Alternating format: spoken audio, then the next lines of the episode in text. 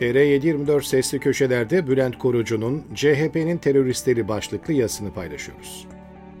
CHP Genel Başkanı Kemal Kılıçdaroğlu af konusunda iktidarla birlikte çalışmaya hazır olduklarını açıkladı. Bugüne kadarki birlikte çalışma pratiklerinden hem partisi hem de bütün ülke zararlı çıktı.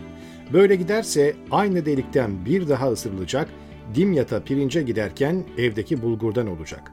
Zira af konusunda tam da Erdoğan rejiminin istediği bir çerçeve çizdi.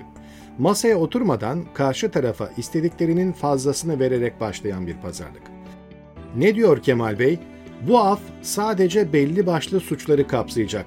Terör, taciz, tecavüz ve benzeri suçlar kapsam dışı kalacak, kader mahkumlarına yönelik olacaktır. 640 bin kişinin yararlandığı korona izniyle o kader mahkumu denen suçlular zaten dışarıda. Geri toplanmaları da bu saatten sonra kolay görünmüyor. Örtülü af 31 Temmuz 2023 tarihine kadar uzatılırken CHP de destek vermiş ve maddenin kanuni temeli şudur.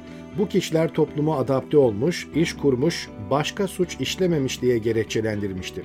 İçeride gazeteciler, öğretmenler, belediye başkanı ve vekillerle kermes yapan teyzeler kalmıştı. Öyleyse fiilen toplanamayacak olanlar ve aynı suçu daha sonra işleyenleri içeren bir af toplumsal barışa nasıl hizmet edecek?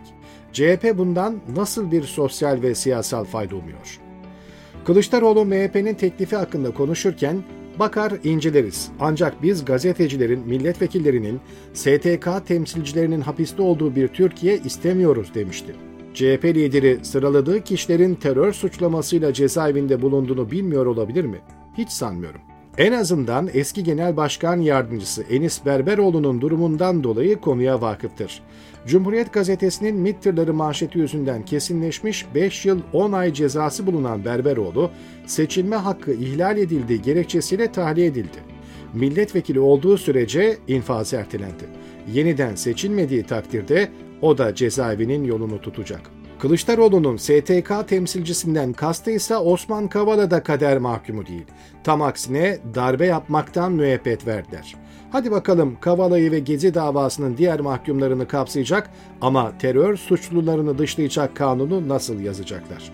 Cumhuriyet tarihinin en önemli seçimlerinden birine hazırlandıklarını söyleyen Millet İttifakı, Kürtlerin oyunu almadan muhtar bile seçtiremez cezaevi şartlarında yaşaması mümkün olmayan Aysel Tuğlu, Diyarbakır Büyükşehir Belediye Başkanı seçildikten hemen sonra tutuklanan Selçuk Mızraklı'yı ve Selahattin Demirtaş'ı cezaevinde bırakan bir afla Kürt seçmenin karşısına hangi yüzde çıkacaklar? Saydığım isimler bilinenler, oysa binlerce insan silahlı hiçbir eyleme karışmadığı halde HDP'de siyasal faaliyet yaptığı için tutuklu. Kılıçdaroğlu Diyarbakır ziyaretinde Türkan Elçi ile görüşmüştüm. Hepimiz biliyoruz ki canlı yayında faili meçhule kurban giden Diyarbakır Baro Başkanı Tahir Elçi yaşasaydı Demirtaş'ın hücre arkadaşı olurdu.